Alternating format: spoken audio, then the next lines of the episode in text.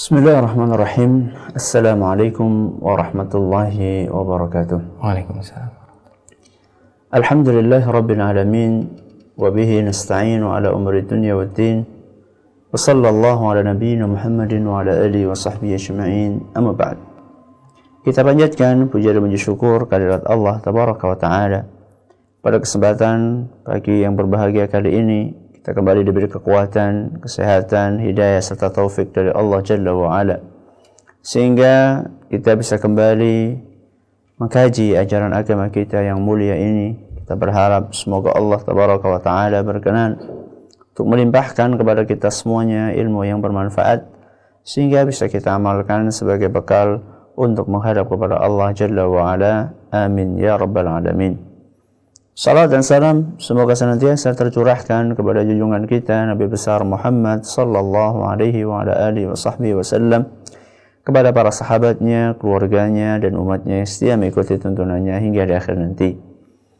Para pendengar Radio Insani 88 FM di Purbalingga dan sekitarnya, para pemirsa Insan TV yang semoga senantiasa dirahmati oleh Allah, para pendengar radio uh, Telaga Dakwah di Biren Aceh serta para pemirsa Yufi yang semoga senantiasa juga dirahmati oleh Allah Azza wa Jalla.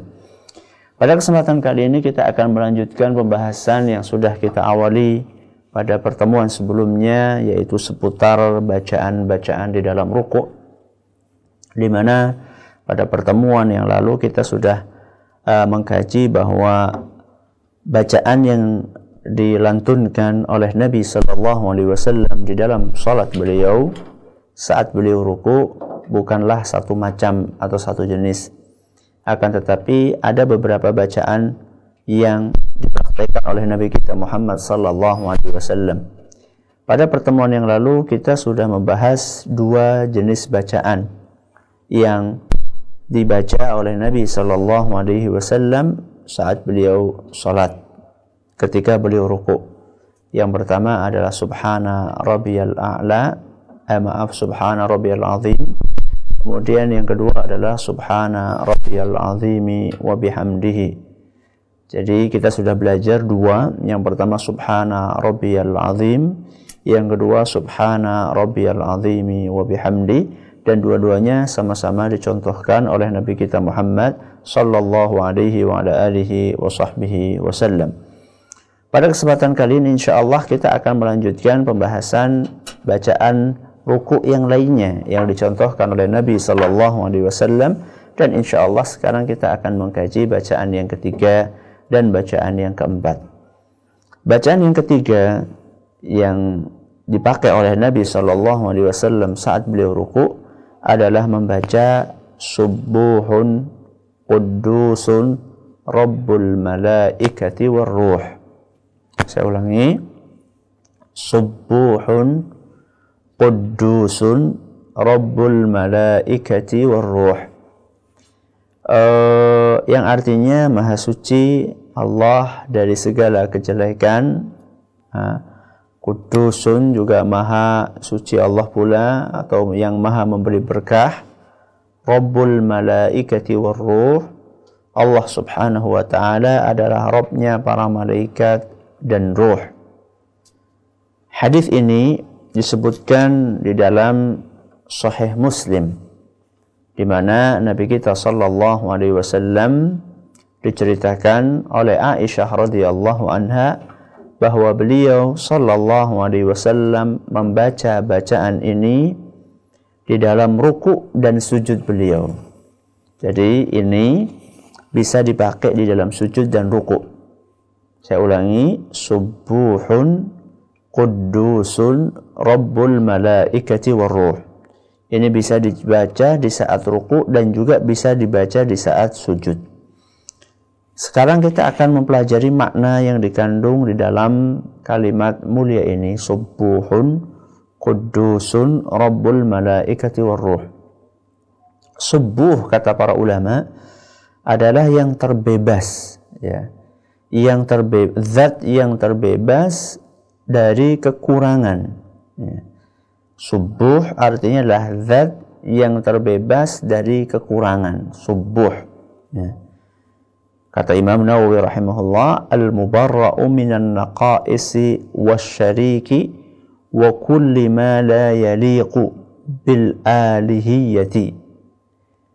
Kata Imam Nawawi, maksud dari subuh, ya, maksud dari subuh adalah zat yang terbebas dari kekurangan.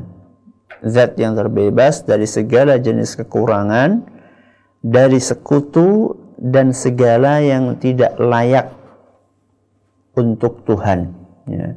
segala yang tidak layak untuk Tuhan ini arti dari subuh subuh artinya saya ulangi zat yang terbebas dari kekurangan ya, sekutu dan segala sesuatu yang tidak layak untuk Tuhan atau untuk sesembahan. Ini adalah subuh. Adapun kudus ya, Artinya adalah kata para ulama at-tahiru min kulli aib. At-tahiru min kulli aib. Yang suci ya, dari segala aib. Yang suci dari segala aib. Ya, sifat-sifat ya, yang tercela. Ini arti dari subuh. Jadi Allah Subhanahu wa taala tersucikan dari segala sesuatu yang tercela Kemudian Rabbul Malaikati Waruh artinya adalah penguasa malaikat dan ruh. Ya, ruh di sini para ulama mereka berbeda pendapat. Ada yang dimaksud kata mereka, ada sebagian mereka mengatakan bahwa ruh yang dimaksud di sini adalah malaikat Jibril. Ya, ruh yang dimaksud di sini adalah malaikat Jibril. Rabbul Malaikati Waruh artinya penguasanya malaikat, malaikat dan juga malaikat Jibril. Ya uh, walaupun Jibril itu adalah bagian dari malaikat, di sini disebutkan secara khusus karena untuk menunjukkan keistimewaannya malaikat Jibril. Bahwa Jibril lah malaikat yang paling istimewa, makanya disebutkan uh, secara spesifik di sini. Ada yang mengatakan demikian, maksud dari ar-ruh adalah malaikat Jibril. Ada yang mengatakan pula bahwasanya dimaksud dengan ruh di sini adalah uh, nyawa ya nyawanya manusia ya, Rabbul malaikati waruh bahwa Allah Subhanahu wa taala pemilik dari malaikat penguasa dari malaikat dan juga nyawa. Dan juga ada beberapa penafsiran yang lainnya. Ada yang mengatakan bahwa ruh adalah sekelompok dari malaikat dan masih ada penafsiran-penafsiran yang lainnya. Sekarang kita akan sedikit mengupas tentang subuhun kudusun ya. Apa maksud dari Allah Subhanahu wa taala terbebas, tersucikan dari kekurangan dan sifat-sifat yang tercela? Uh, saya akan bawakan beberapa contoh dari uh, kekurangan ya. Dari kekurangan yang Allah tidak layak untuk memilikinya. Yaitu contohnya ngantuk ya. Kemudian contoh yang lainnya tidur.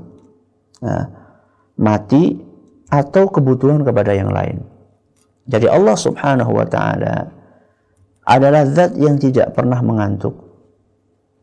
Apalagi tidur, apalagi mati. Jadi Allah Subhanahu wa taala adalah zat yang maha hidup. Gak pernah ngantuk, gak pernah tidur.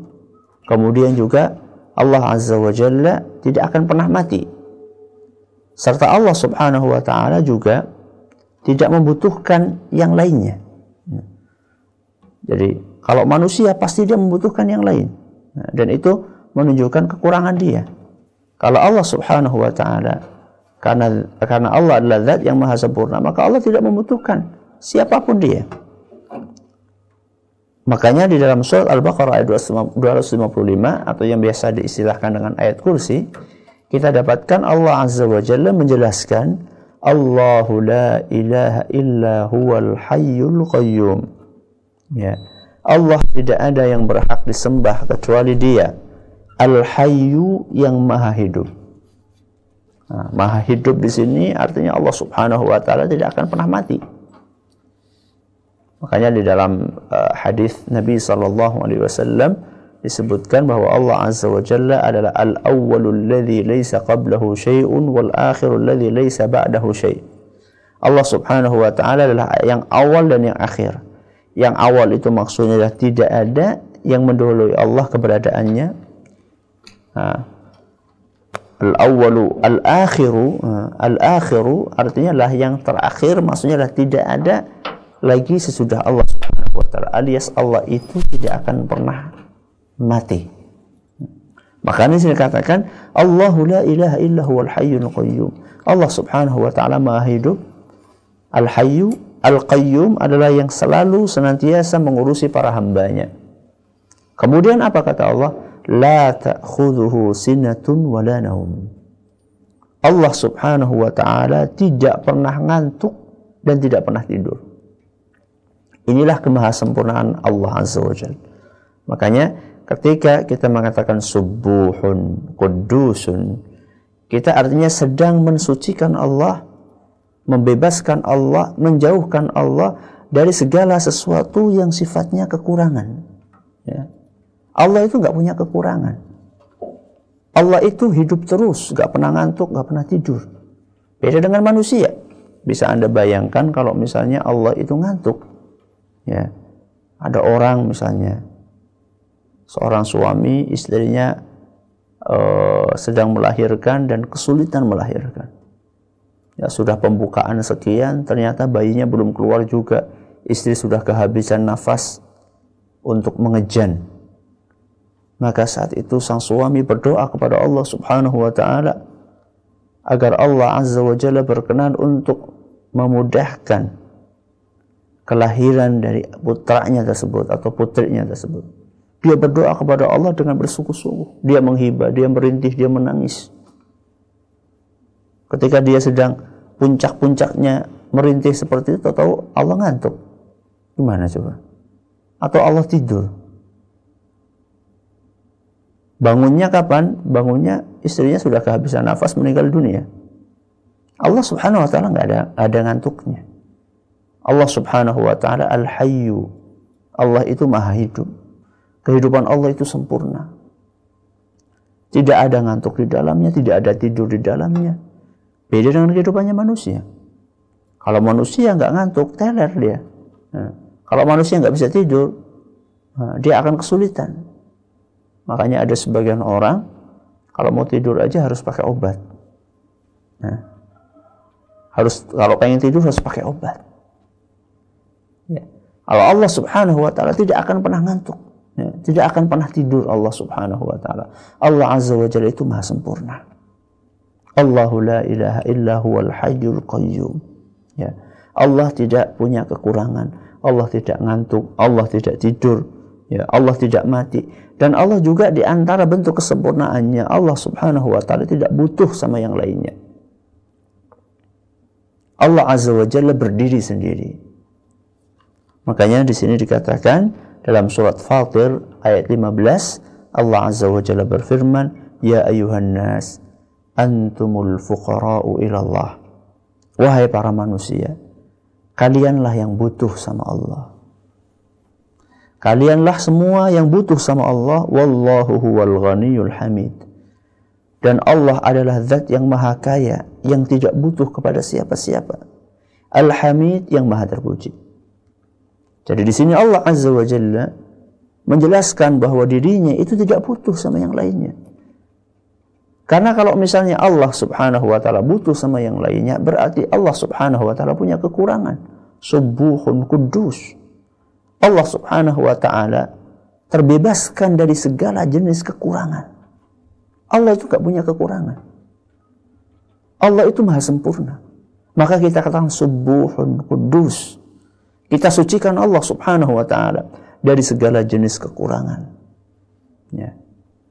Entah itu bentuknya ngantuk, tidur, entah entah itu bentuknya mati, entah itu bentuknya lah butuh sama yang lain. Allah nggak butuh sama sekali. Allah nggak butuh bantuan dari manusia, Allah nggak butuh bantuan dari malaikat. Allah subhanahu wa ta'ala tidak terpengaruh ketika para hambanya tidak taat kepadanya. Allah juga tidak kemudian bertambah kekuasaannya ketika para hambanya taat kepada dia. Enggak. Allah subhanahu wa ta'ala tidak butuh kepada para makhluknya. Inilah di antara kekurangan-kekurangan yang harus kita jauhkan Allah darinya. Dan juga di antara makna dari subuhun kudus adalah kita berusaha mensucikan Allah dari segala sesuatu yang sifatnya aib. Ya. Segala sesuatu yang sifatnya tercela. Ini kita harus sucikan Allah darinya. Makanya uh, dalam beberapa ayat Allah Subhanahu wa taala menjelaskan tentang dijauhkannya Allah dari sifat-sifat yang tercela. Contohnya di antara sifat yang tercela adalah kezaliman. Jadi Allah Subhanahu wa taala tidak zalim. Di antara contoh aib yang lainnya atau sifat buruk yang lainnya yang Allah Subhanahu wa taala terjauhkan adalah sikap atau sifat pelit. Ya. Adalah sifat pelit.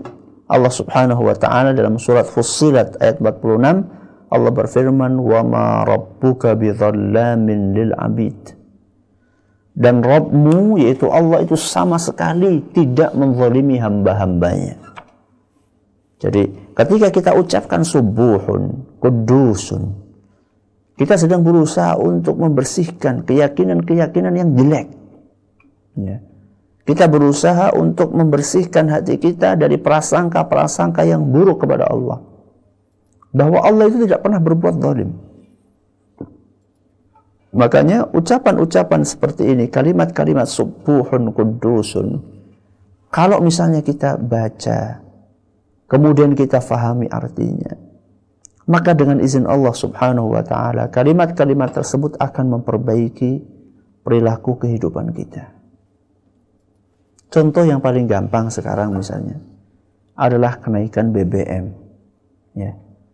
Kenaikan BBM banyak orang yang hmm, ya jelas ini jelas memberatkan. Ya itu kita tidak ragu bahwa ini memberatkan. Kemudian juga akan mengerek uh, naiknya barang-barang pokok yang lainnya ya. Akan semakin meng banyak mengeluarkan uh, uang ya. Transportasi kita dan lain sebagainya untuk makan kita nah ketika orang dalam suasana seperti ini suasana kalut naiknya BBM sehingga Eh, beberapa saat sebelum pengumuman kenaikan itu uh, pom bensin pom bensin itu penuh ya. mereka berusaha untuk mengumpulkan sebanyak-banyaknya uh, eh, BBM ya berupa bensin atau yang lainnya solar uh, untuk persiapan sekian lama nah ketika orang sedang dalam keadaan panik seperti itu ada yang kemudian uh, melayangkan protesnya dengan membakar ban, menutup SPBU dan sebagainya. Ketika dalam kondisi seperti ini, kadang-kadang terlontar kata-kata Allah ini gimana sih? Allah ini gimana? Indonesia kan kaya. Indonesia kan produsen minyak besar di dunia. Indonesia kan anggota uh, apa APEC atau apa itu yang uh, kumpulan negara-negara penghasil minyak ya. Gimana sih kok minyak di negeri kita mahal? Allah ini gimana sih? Jadi ada sebagian orang ketika uh, mendapatkan ujian seperti itu dia akan maaf menyalahkan dalam tanda kutip Allah Subhanahu wa taala. Allah ini enggak adil. Allah ini zalim, naudzubillah min dzalik. Coba lihat negara lain nah, yang juga sama-sama produsen minyak. Di Arab Saudi misalnya, minyak sampai sekarang harganya masih setengah real kalau nggak salah itu. Beberapa tahun yang lalu ketika kami atau tahun kemarin ketika kami menunaikan ibadah haji uh, di Saudi, uh, di Arab Saudi minyaknya masih setengah real, setengah real ya 1500. Nah, kayak air mineral di, di negeri kita. Dari dulu segitu-gitu, ya, 1500. Allah gimana sih? Saudi sama Indonesia kan sama-sama buminya Allah. Kenapa di sini mahal, di sana murah? Allah ini gak adil. Hati-hati. Allah subhanahu wa ta'ala tidak akan pernah mentolimi para hambanya. Subuhun kudus. Allah itu maha suci. Allah itu nggak punya kekurangan. Allah itu nggak punya aib. Allah itu nggak punya sifat jelek. Allah itu sayang para hambanya. Ada yang mengatakan kalau memang Allah sayang kenapa di sana harganya 1.500 di sini harganya uh, berapa 8.500 ya. Itu kan uh, berapa kali lipat 1.500 sama 8.500 kita katakan Allah itu tidak akan pernah mendolimi para hambanya ketika Allah subhanahu wa ta'ala menimpakan ujian seperti itu maka pasti di balik ini ada hikmah yang ingin Allah subhanahu wa ta'ala jelaskan kepada para hambanya Makanya di dalam Al-Quran Allah menegaskan wa ma asabakum min musibatin fabima kasabat aydikum. Apa pun musibah yang menimpa kalian itu adalah akibat dari ulah tangan kalian sendiri. Jadi daripada kita itu suudzon sama Allah, daripada kita itu katakan Allah zalim, naudzubillah min dan seterusnya, mendingan kita introspeksi diri Kenapa kok di kita mahal banget, di sana murah? Seharusnya kan kita berpikir, apa yang menyebabkan seperti ini? Ujian yang Allah timpakan kepada kita itu pasti ada sumbernya. Mungkin kita tidak menjalankan ajaran Islam yang dengan benar. Ya. Sedangkan di negara tersebut mereka menerapkan syariat Islam. Ya. Mungkin banyak perintah-perintah agama yang kita lalaikan sehingga Allah Subhanahu wa taala ingin mengingatkan orang-orang tersebut supaya mereka kembali kepada jalan yang benar. Ya. Seharusnya yang seperti ini senantiasa kita hidupkan di dalam hari kita, hati kita. Bukan kita berusaha untuk mencari kambing hitam dari luar. Ya, karena bisa jadi kambing hitamnya maaf kita sendiri. Itu lebih bijak. Ya. Ketika kita bakar-bakar ban, apa menyelesaikan masalah? Nah, ketika kita maaf mengumpat-umpat, ya, pihak yang berwenang, apakah menyelesaikan masalah? Sebaiknya justru kita introspeksi diri, apa dosa yang saya lakukan? Kenapa Allah Subhanahu wa taala menguji dengan ujian seperti ini? Ini solusi yang lebih real. Ya. Kita introspeksi diri, Kemudian kalau misalnya memang ada beberapa kesalahan-kesalahan yang dilakukan oleh mereka yang berwenang, kita nasihati mereka dengan cara-cara yang baik tentunya. Jadi siapa bilang kita diam saja tidak menasihati, kita nasihati tapi dengan cara-cara yang elegan, dengan cara-cara yang bijak. Ya, bukan dengan anarkis. Subuhun kudus. Allah itu maha suci dari segala macam kekurangan. Dari segala aib. Nah, dan di antara aib yang kita harus jauhkan Allah Subhanahu wa taala darinya adalah sifat pelit. Sifat pelit. Uh, makanya dalam surat Al-Maidah ayat 64 Allah menceritakan perilaku jeleknya orang Yahudi. Kata Allah, "Wa qalatil yahudu yadullahi maghlulah." Orang-orang Yahudi mereka mengatakan bahwa tangan Allah itu terbelenggu. Maksudnya Di sinilah mereka mengatakan bahwa Allah ini pelit. Ya, yadullahi maghlulah. Allah ini pelit. Maka langsung dibantah oleh Allah Subhanahu wa taala ucapan orang Yahudi tersebut, "Ghullat aydihim." Ghullat aydihim. Kata Allah yang terbelenggu itu tangan mereka.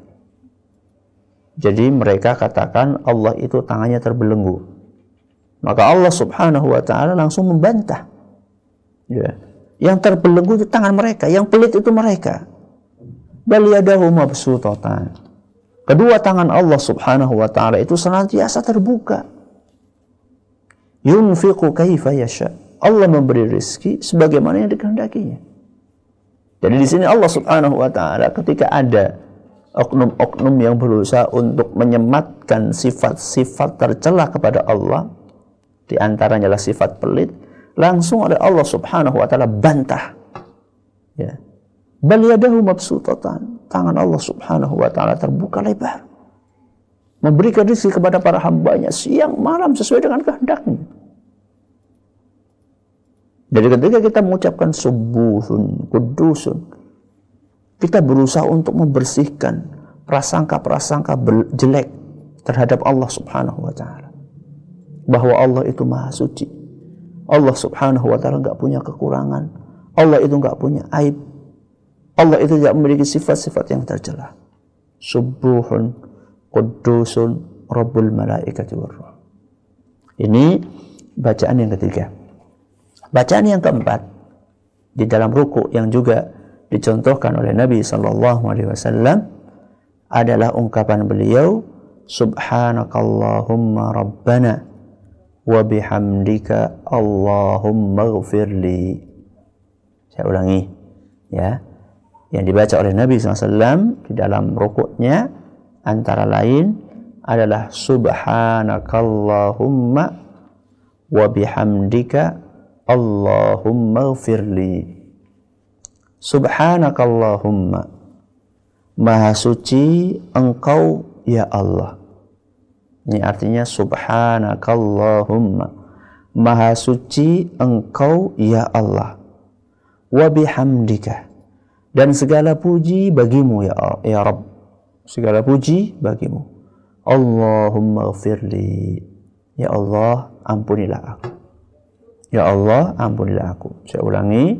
Subhanakallahumma wa bihamdika Allahumma ufirli.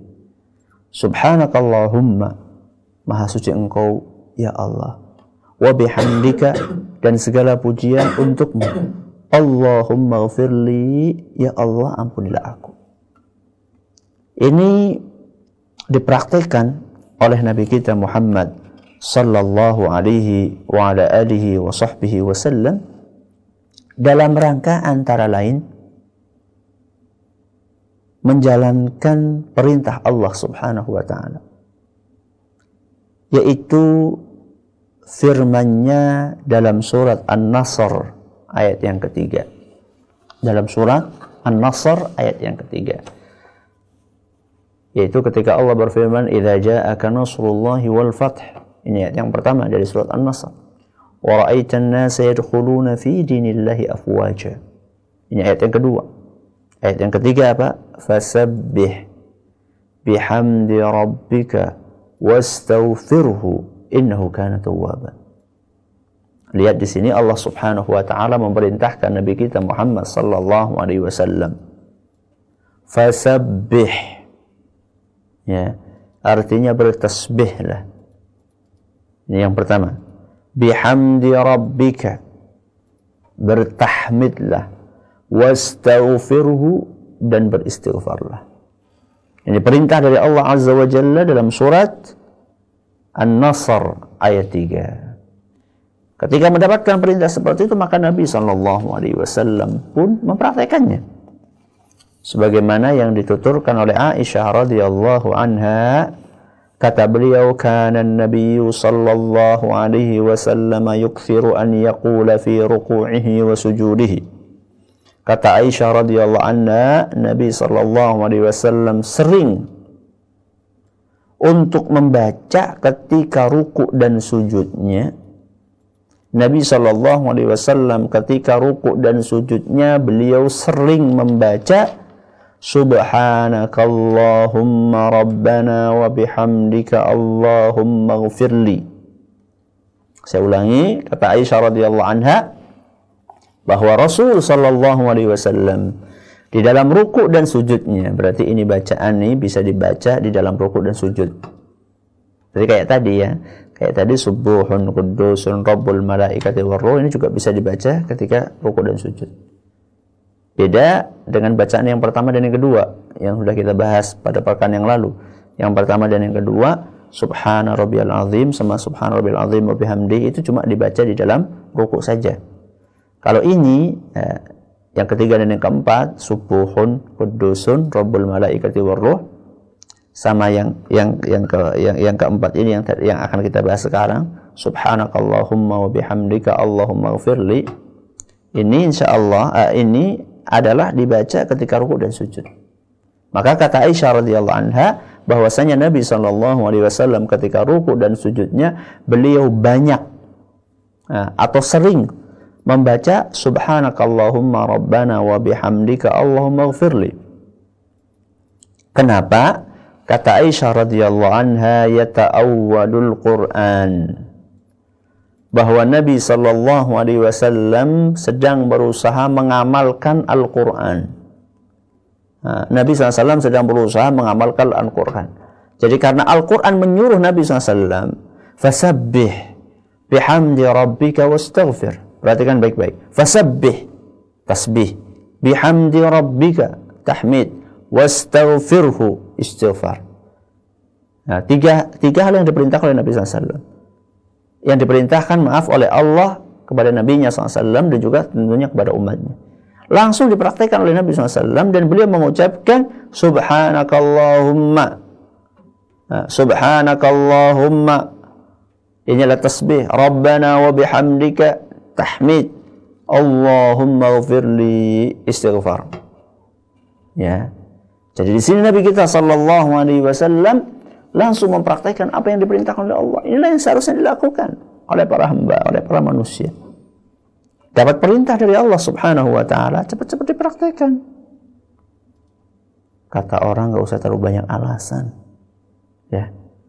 Begitu baca dalam Al-Qur'an, ya. begitu baca dalam Al-Qur'an ada perintah untuk menutup aurat, para wanita untuk memakai jilbab, ya mu'minati yaghdudna min absarihinna wa yahfazna furujahunna. Ya katakanlah kepada kaum mukminat agar mereka itu menundukkan pandangan matanya nah, dan menjaga kehormatannya. Kemudian juga ada firmannya azza, firman Allah azza wa jal wal yadribna bi khumurihinna ala juyubihinna. Hendaklah mereka memakai jilbab ya yang menutupi dadanya. Ya. Dan tentunya ditutupi dada ya dari atas dari atas sampai ke ke bawah. Nah gak usah banyak alasan. Nah gak usah banyak alasan. Tahu perintah kayak gitu lakukan. Nah. jadi gak usah banyak alasan wah di Indonesia ini kan oh panas. Nah, di Indonesia ini kan negaranya nggak kayak Arab. Arab kan panas. Nah, kalau di Indonesia ini kan negaranya tropis jadi nggak perlu pakai jilbab. Ini alasan sebagai orang. Ada yang mengatakan, wah pakai jilbab ini panas, sumuk, gerah. Ya. Wah nanti kalau pakai jilbab nanti dikatain gimana-gimana, dikatain kampungan. Ya. Gak usah banyak alasan. Ada perintah dari Allah kerjakan. Nabi SAW mencontohkan itu.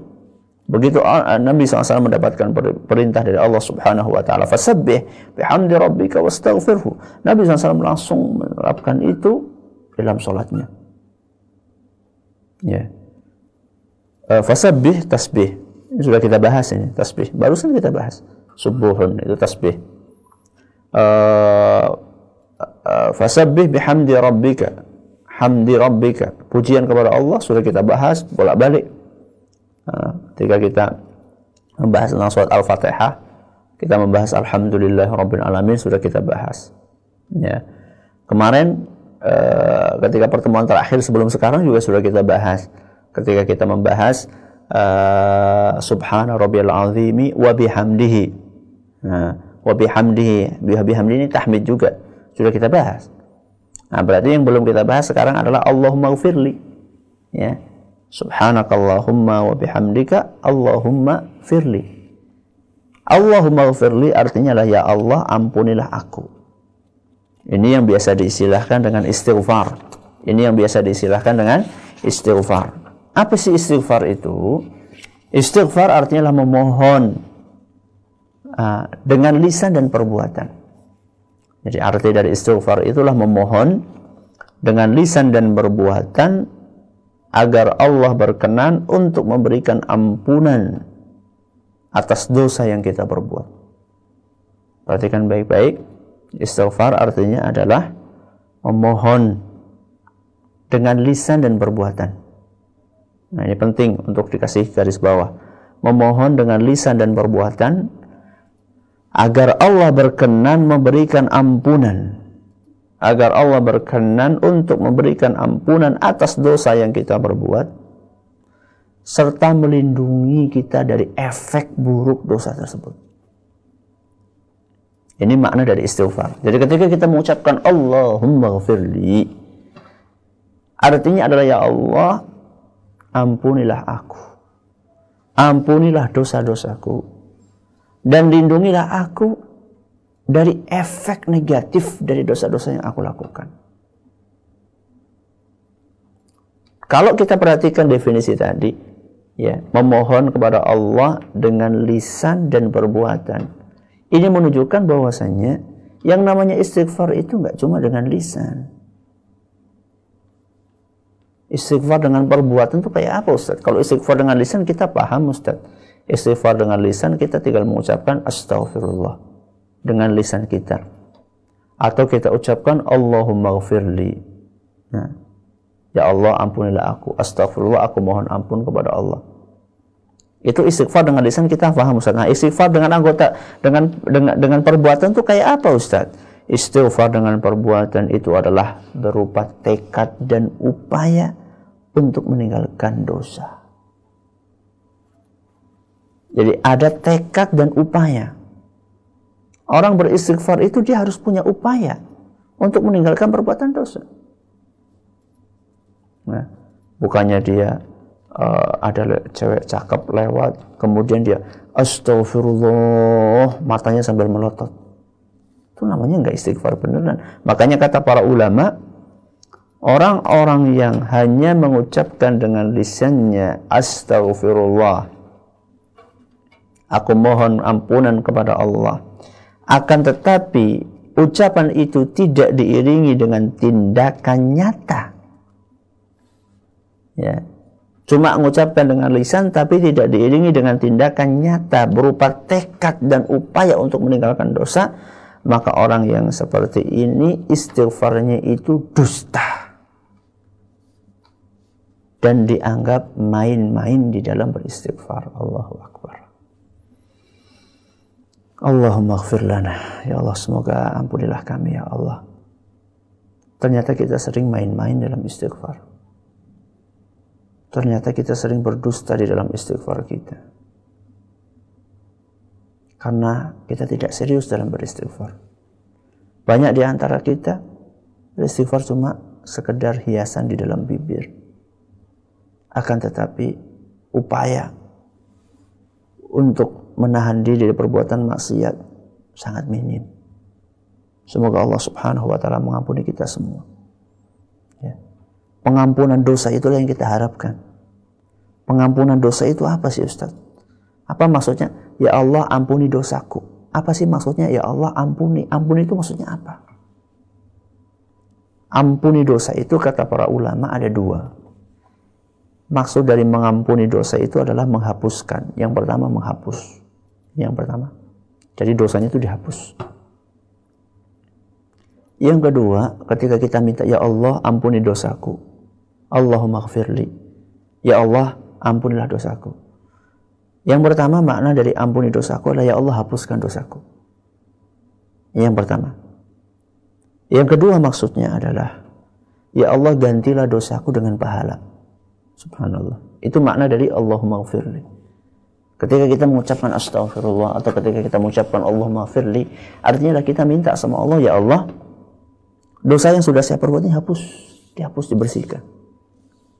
Nah, makna yang kedua adalah ya Allah, gantilah dosaku ini dengan pahala.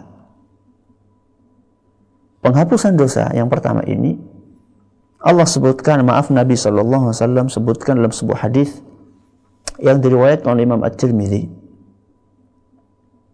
dan hadis ini dinilai hasan oleh beliau.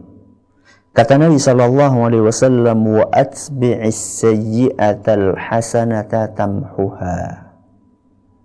Wa atbi'is sayyi'atal hasanata tamhuha. Yang artinya iringilah perbuatan buruk dengan amal saleh niscaya akan menghapuskan amal buruk tersebut. Menghapus jadi kita minta sama Allah astagfirullah Allahumma gfirli artinya ya Allah dosa-dosa yang sudah kadung yang sudah terlanjur mengotori hatiku maka ya Allah bantulah aku untuk membersihkannya, dibersihkan sampai bersih. Sehingga barangkali hati kita yang sudah kotor, yang sudah hitam dengan tumpukan noda-noda dosa. Kita minta kepada Allah supaya hati kita yang sudah hitam itu akan berubah kembali menjadi putih bersih. Ya. Akan putih kembali seputih kertas ini. Allahumma gfirli Ya Allah ampunilah aku, bersihkan dosaku. Kemudian di antara makna tadi pengampunan dosa adalah kita minta supaya dosa kita diganti sama pahala. Subhanallah. Dosa ini kita minta sama Allah, kita mohon supaya dosa ini diganti dengan pahala. Ya. Dan itu Allah sebutkan dalam Al-Quran surat Al-Furqan ayat 70. Dalam surat Al-Furqan ayat 70 Allah subhanahu wa ta'ala berfirman, Illa man taba wa amana wa amila amalan salihan kecuali orang-orang yang bertaubat perhatikan beramal saleh dan beriman faulaika yubaddilullahu sayyiatihim hasanat mereka adalah orang-orang yang dosanya diganti oleh Allah dengan pahala. Subhanallah. Jadi tidak cukup. Hanya sekedar dosa kita dihapus. Ya. Jadi kalau misalnya kalau boleh kalau boleh kita katakan yang awalnya kertas uh, kertas ini penuh dengan oret coretan-coretan kotor, ya dosa-dosa kita yang begitu banyak, kita minta kepada Allah supaya ini dibersihkan lagi bersih sampai kembali putih. Terus kita minta kepada Allah supaya di kertas yang putih ini ditulis amal-amal soleh sebagai ganti dari coretan-coretan dosa. Allahu Akbar. Inilah makna dari Allahumma gfirli sebagaimana dijelaskan oleh para ulama. Antara lain di dalam kitab Bahjatun Nazirin. Nah, disebutkan di situ bahwa makna dari ampunan dosa adalah penghapusan dosa dan juga penggantian dosa dengan pahala. Terakhir, saya ingin mengajak para pendengar dan pemirsa sekalian untuk mencermati kembali bacaan ruku yang keempat ini. Subhanakallahumma wa bihamdika Allahumma ghafirli. Subhanakallahumma rabbana wa bihamdika Allahumma ghafirli. Tadi sudah saya sampaikan bahwa di dalam kalimat mulia ini, bacaan ruku ini yang oleh Nabi kadang juga dibaca dalam sujudnya atau sering itu menggabungkan antara subhanakallahumma rabbana ini tasbih. Wa bihamdika ini tahmid. Allahumma gfirli ini istighfar. Perhatikan baik-baik para ulama kita menjelaskan sebagaimana dalam tafsir surat An-Nasr di sini ada tasbih ada tahmid ada istighfar para ulama menjelaskan bahwa tasbih sama tahmid ini adalah haknya Allah Subhanahu wa taala. Istighfar adalah haknya manusia. Gimana Ustaz maksudnya? Maksudnya manusia ini diperintahkan untuk menunaikan haknya Allah. Yaitu kita senantiasa memuji Allah dan mensucikan Allah dari segala kekurangan. Jadi kita menunaikan haknya Allah. Ya.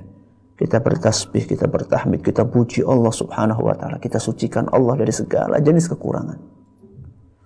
Kemudian setelah kita menunaikan hak Allah, kita memohon haknya kita kepada Allah. Jadi kita tunaikan hak Allah.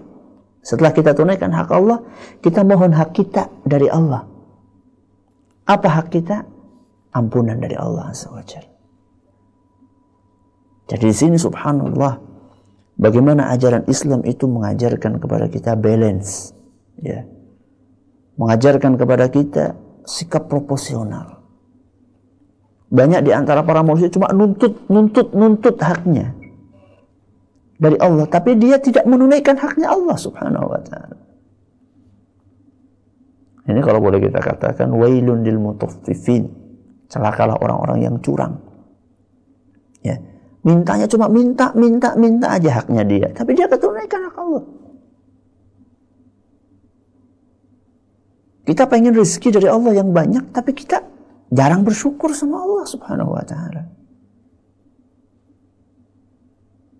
Bacaan-bacaan Quran kita itu cuma sisa-sisa tok. Ya. Jadi waktu kita untuk baca Quran itu lebih banyak ah, merupakan sisa.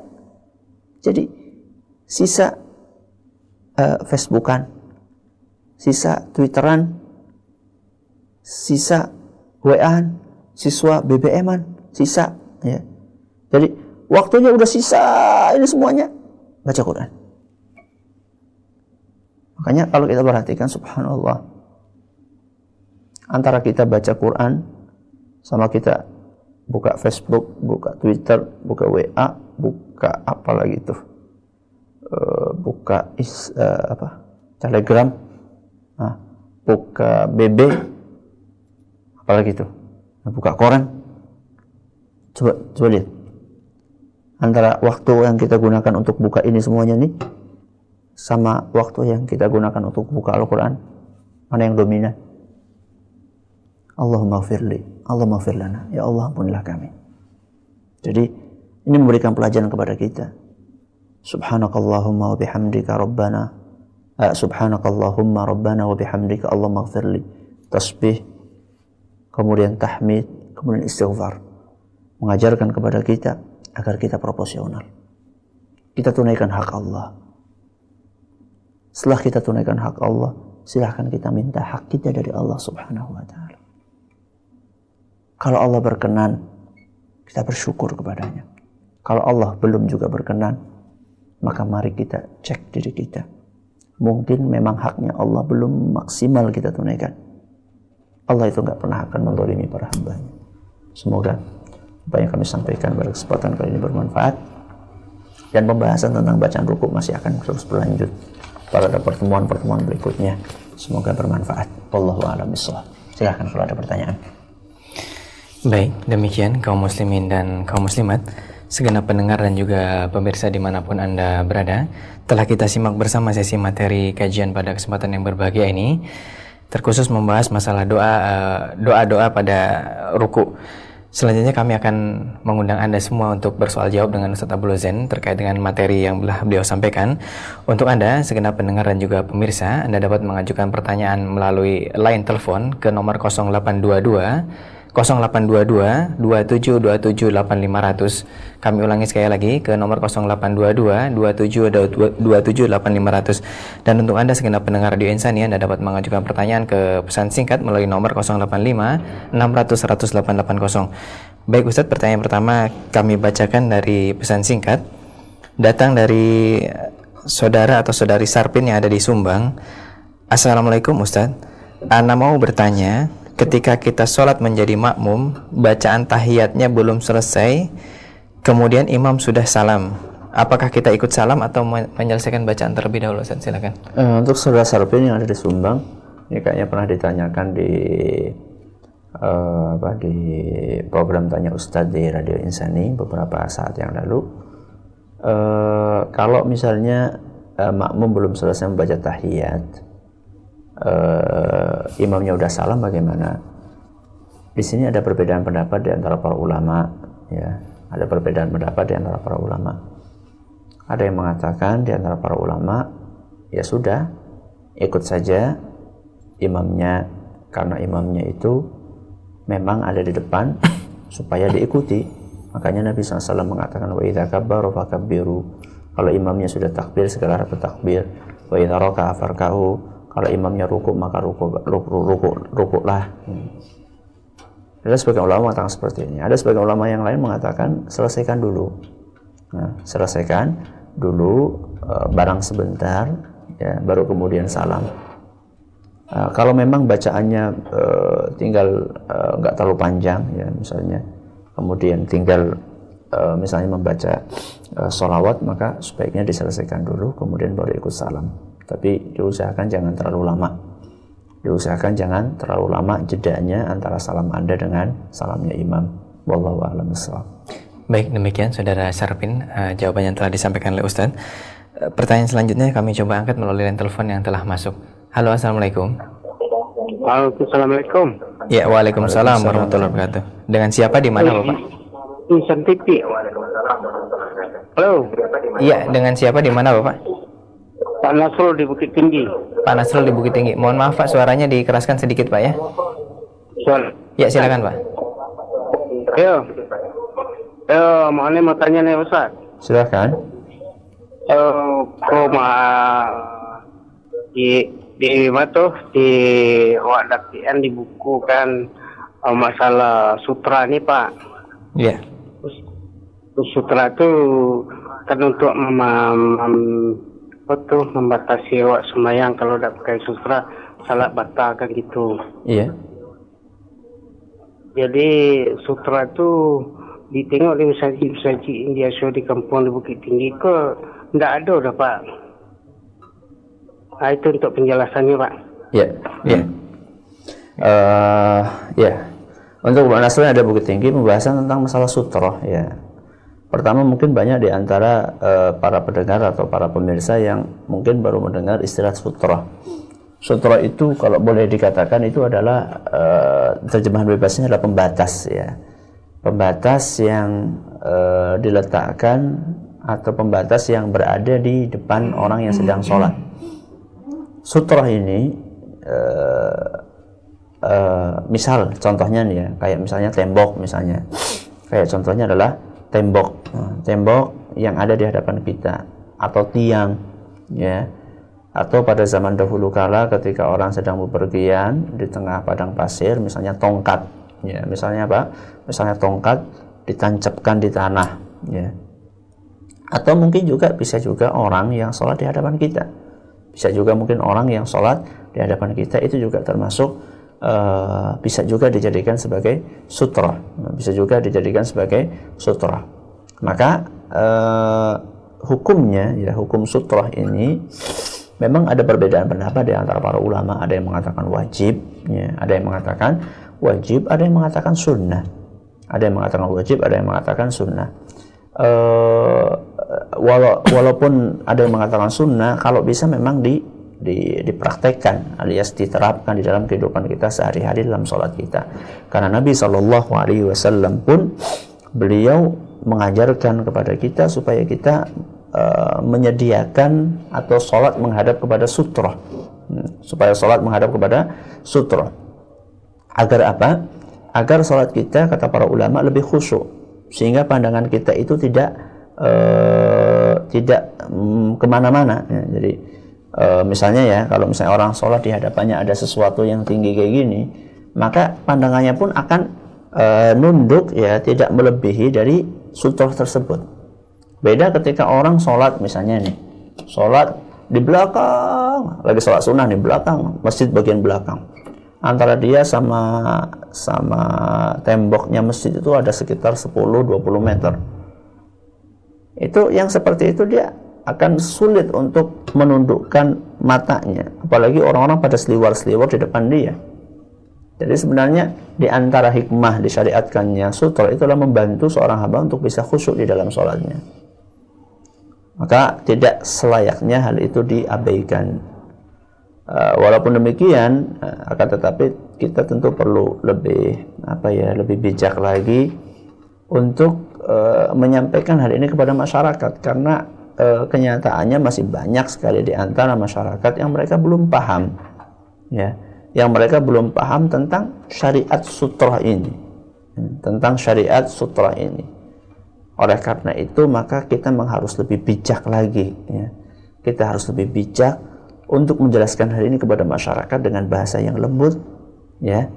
Uh, supaya tidak menyinggung perasaan mereka Jangan sampai ada orang lagi sholat kemudian dia nggak ada sutra kita dorong nah, supaya dia mendekat sutra. Jangan.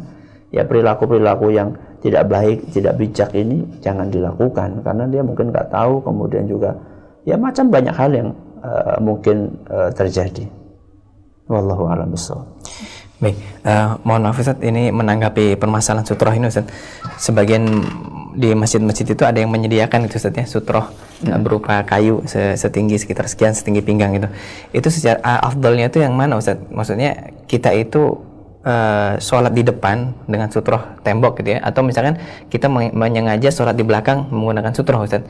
Itu afdol afdol yang mana Ustaz?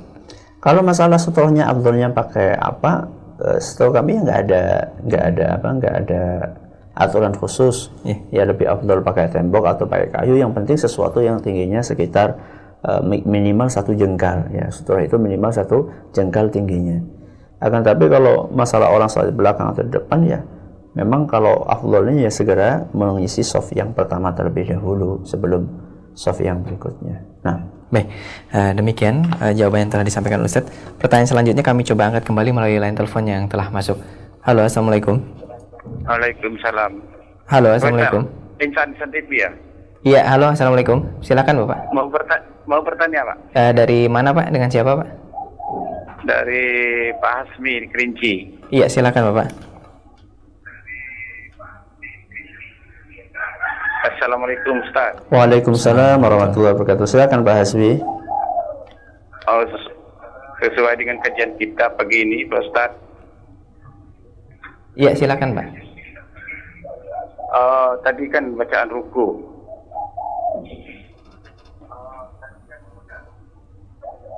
Oh, subha, subhanaka Allahumma rabbana wa biha- wa bihamdika Allahu akbarli. Iya. Ah, itu dibaca berapa kali Ustaz? Oh iya. iya. Terus terus yang kedua Ustaz eh, waktu sujud sujud atiyat akhir sebelum salam kita kan dianjurkan baca doa se- sudah fil alamin hamidul majid itu doa apa yang yang yang yang lebih baik Ustaz?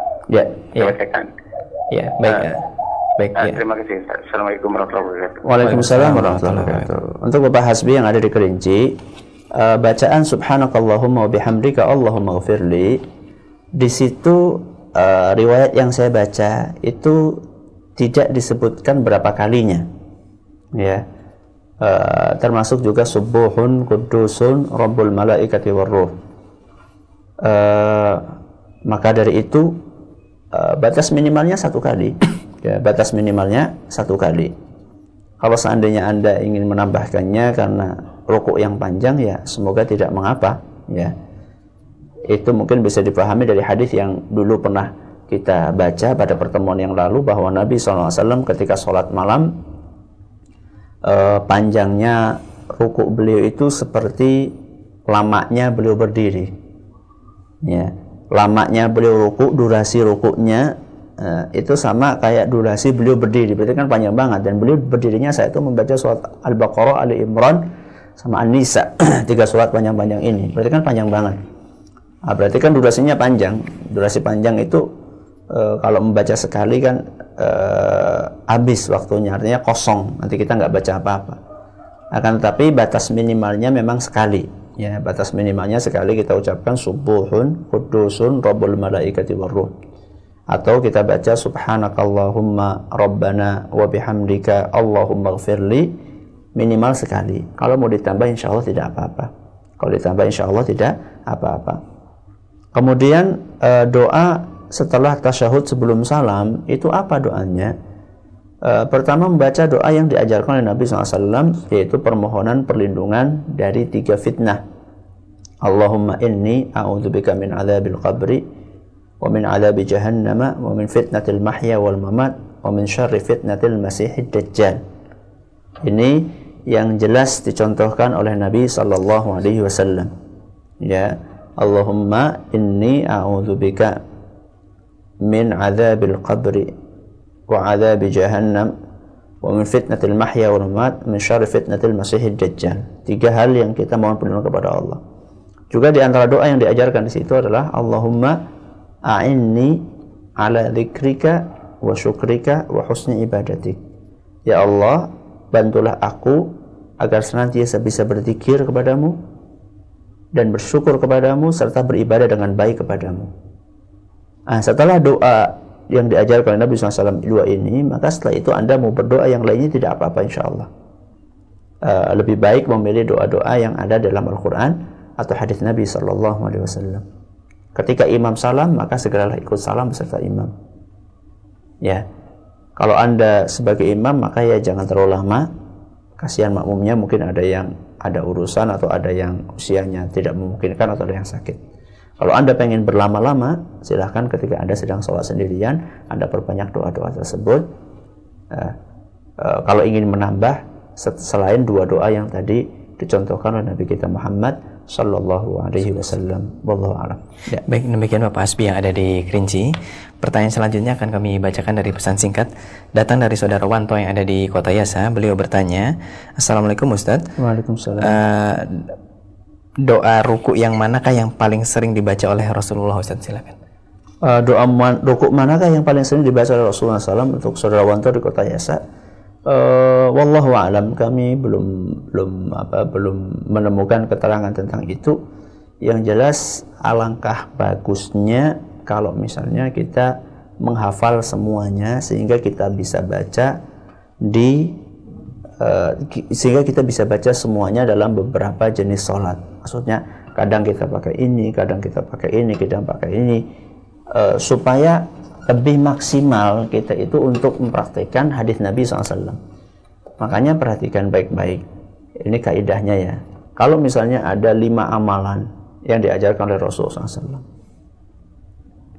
antara orang yang mengamalkan satu dari lima sama orang yang mengamalkan lima-limanya pahalanya besar siapa? tentu ya jelas lebih besar orang yang mengamalkan lima-limanya. Yang ada contohnya dari Nabi kita Muhammad SAW ketika kita cuma mengamalkan satu saja berarti pahala kita satu kalau lima berarti pahala kita lima jadi uh, wallahu alam di situ uh, kami belum menemukan keterangan mana yang paling sering dibaca oleh Nabi SAW akan tetapi semuanya pernah dibaca oleh Nabi SAW. Kalau semuanya pernah dibaca oleh Nabi SAW, maka afdolnya kita pun berusaha untuk mempraktekkan semuanya. Ya, walaupun kemudian ada perbedaan pendapat sebagaimana yang sudah kita sampaikan kemarin di awal uh, pengajian tentang masalah rokok ini, bahwa uh, apakah boleh menggabungkan uh, semua bacaan itu dalam satu ruku atau harus dipisah-pisah itu ada perbedaan pendapat dari para ulama. Nah, Baik, pertanyaan selanjutnya kami angkat lagi dari pesan singkat. Datang dari saudari Rosita yang ada di uh, Kampung Melayu di Singkawang. Uh, beliau bertanya, Assalamualaikum Ustaz. Waalaikumsalam. Ketika saya ikut sholat berjamaah di masjid, apakah ketika imam mengucapkan mengucapkan lafaz Sami Allahu liman hamidah bangkit dari ruku, kita sebagai makmum harus ikut melafatkannya juga atau tidak? Mohon pencerahan uh, mohon pencerahannya Ustaz Syukran atas ilmu yang bermanfaat. Silakan. Untuk saudari Rosita di Singkawang, ya, ini jawaban ringkasnya. Nanti ada saatnya kita bahas masalah ini. Jawaban singkatnya, ya, disunahkan seperti itu. Makmum ikut mengucapkan Sami Allahu liman hamidah. Kemudian dia juga mengucapkan uh, Rabbana walakal hamdu. Ini keterangan singkatnya dalilnya berikut juga khilaf para ulama dalam masalah ini kita akan bahas saat kita membahas tentang ya tidak atau bangkit dari ruku. Ya. ya. Demikian dari saudari atau ibu Rosita yang ada di Singkawang. Pertanyaan selanjutnya datang dari uh, dari saudari Rini yang ada di Purbalingga. Bismillah, assalamualaikum Ustaz. Waalaikumsalam. Saya mau tanya tentang posisi kepala punggung dan memegang lutut pada saat ruku itu bagaimana Ustaz mohon penjelasannya? Uh, sudah kita jelaskan saudari ini yang ada di Purbalingga bahwa uh, memegang lutut pertama ya memegang lutut itu adalah jari-jari kita kita buka. Nah, jari-jarinya kita lebarkan seperti ini kita buka. Kemudian setelah itu kita cengkeramkan jari kita itu di lutut kita. Jadi kita memegangnya itu secara maksimal bukan sekedar formalitas ya sekedar diletakkan tapi kita genggam ya kita genggam lutut kita ya ini masalah menggenggam lutut kemudian masalah punggung kepala dan seterusnya itu dicontohkan oleh Nabi SAW supaya lurus. Ya lurus. Ya jadi kalau boleh kita umpamakan seperti jari jari apa seperti telapak tangan saya ini jadi antara ini punggungnya kemudian ujung kepalanya ini lurus ya. Dia lurus ya. Kepalanya kata Nabi SAW eh, kata para sahabat eh, tidak didongakkan kepalanya ya juga tidak ditundukkan ke bawah. Akan tetapi kepalanya juga ikut meluruskan ya dengan apa? Dengan e, punggungnya. Lurus kepala jadi bukan peci. Hmm. kalau orang misalnya kayak peci pakai kayak kayak peci yang saya pakai peci hitam seperti ini kalau kepalanya sudah lurus nanti kan akan nonjol pecinya. Bukan pecinya yang jadi yang jadi barometer. Yang jadi barometer itulah kepalanya jadi kalau misalnya kepalanya udah lurus, pecinya agak ke atas, yang namanya pecinya kayak gini, bentuknya ya tidak apa-apa, tidak ada masalah. Ya. Jadi yang penting itu kepalanya. Maksud kepala itu di sini adalah maksudnya adalah uh, bagian belakangnya sini ya, bukan jidatnya. Kalau jidatnya lurus nanti dongak kayak gini. Ya, maksudnya bagian kepala yang belakang sini nih ya, itu lurus dengan uh, dengan pundaknya. Makanya dicontohkan atau disebutkan di dalam riwayat tersebut seandainya diletakkan uh, segelas air maka air itu tidak akan tumpah karena saking lurusnya wallahu alam. Baik demikian saudara uh, saudari Rini. Pertanyaan selanjutnya kami akan coba angkat yang datang dari line telepon. Halo assalamualaikum. Halo assalamualaikum. Waalaikumsalam. Iya uh, dengan siapa di mana bapak? Uh, mohon maaf pak suaranya dikeraskan lagi pak. Santo Cilacap. Oh iya silakan Pak Santo. Iya mau masuk. Assalamualaikum Pak. Waalaikumsalam, silahkan Pak Santo. Eh, saya pernah mendengar ada Ustadz eh, ada Ustadz mengatakan bahwa eh, setelah sholat wajib Uh, halo Pak Santo. Uh, mohon maaf Pak suaranya terputus-putus Pak. Mohon diulangi Pak. eh, pernah Iya pernah mendengar Ustadz mengatakan Ya silakan Pak. eh, setelah sholat wajib itu tempatnya berzikir bukan berdoa. Iya. Pertanyaannya Pak? Ya, eh, semenjak itu saya jadi eh, hanya berpikir aja, apakah pernyataan ini benar? Ya, iya, iya. Mohon ditunggu jawabannya Pak Santo ya. Terima kasih Pak. Untuk Bapak Santo yang ada di Cilacap, uh, insya Allah pembahasan ini secara luas akan kita bahas setelah selesai kita membahas tentang sifat sholat ini. Tapi secara ringkas begini Pak, uh, ungkapan seperti itu bahwa setelah sholat itu tempatnya zikir, itu benar. Afdolnya memang seperti itu. Ya, afdolnya seorang sholat setelah sholat itu berzikir. Akan tetapi tidak berarti dilarang untuk berdoa setelah sholat. Ya, memang afdolnya berzikir saat itu. Makanya dicontohkan oleh Nabi SAW setelah sholat berzikir. Tapi perhatikan dengan baik. Nah, ada beberapa hadis yang menunjukkan bahwasanya Nabi Shallallahu Alaihi Wasallam setelah sholat itu beliau juga berdoa. Contoh yang paling gampang adalah ketika kita salam kita mengucapkan astaghfirullah. Itu doa kan? Ya, sekaligus zikir juga. Ya. Astaghfirullah. Apa artinya astagfirullah? Aku minta ampun sama Allah. Ini kan doa. Ya. Ini satu. Kemudian ada beberapa riwayat-riwayat yang lainnya yang insya Allah nanti kita akan bahas dengan izin Allah Subhanahu wa taala pada saatnya.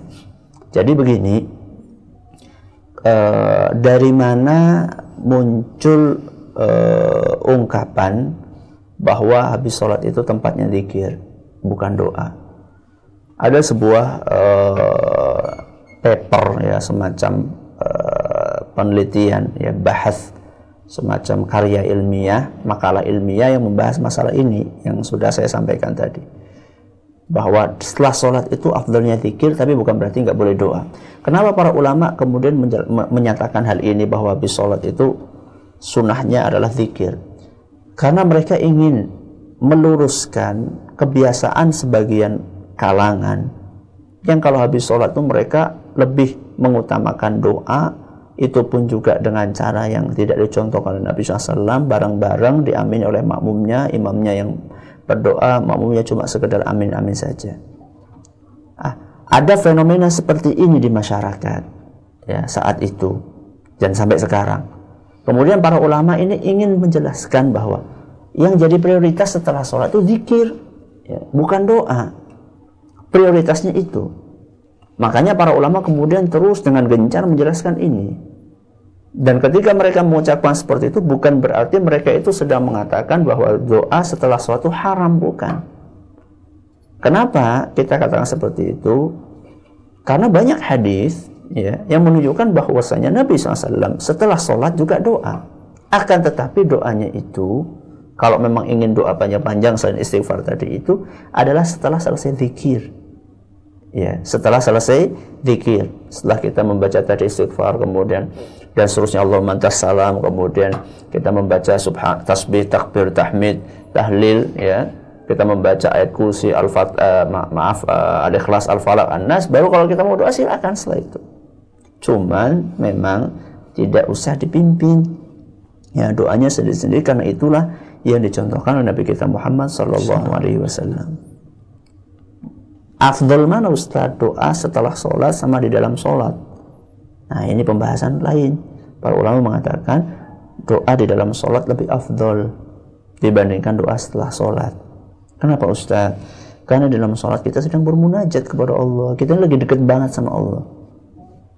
Ibarat kita salam, selesai salam, salam, assalamualaikum, assalamualaikum itu kita sudah menyelesaikan munajat kita. Nah, kalau pas kita lagi munajat seharusnya kita manfaatkan waktu itu untuk berdoa kepada Allah.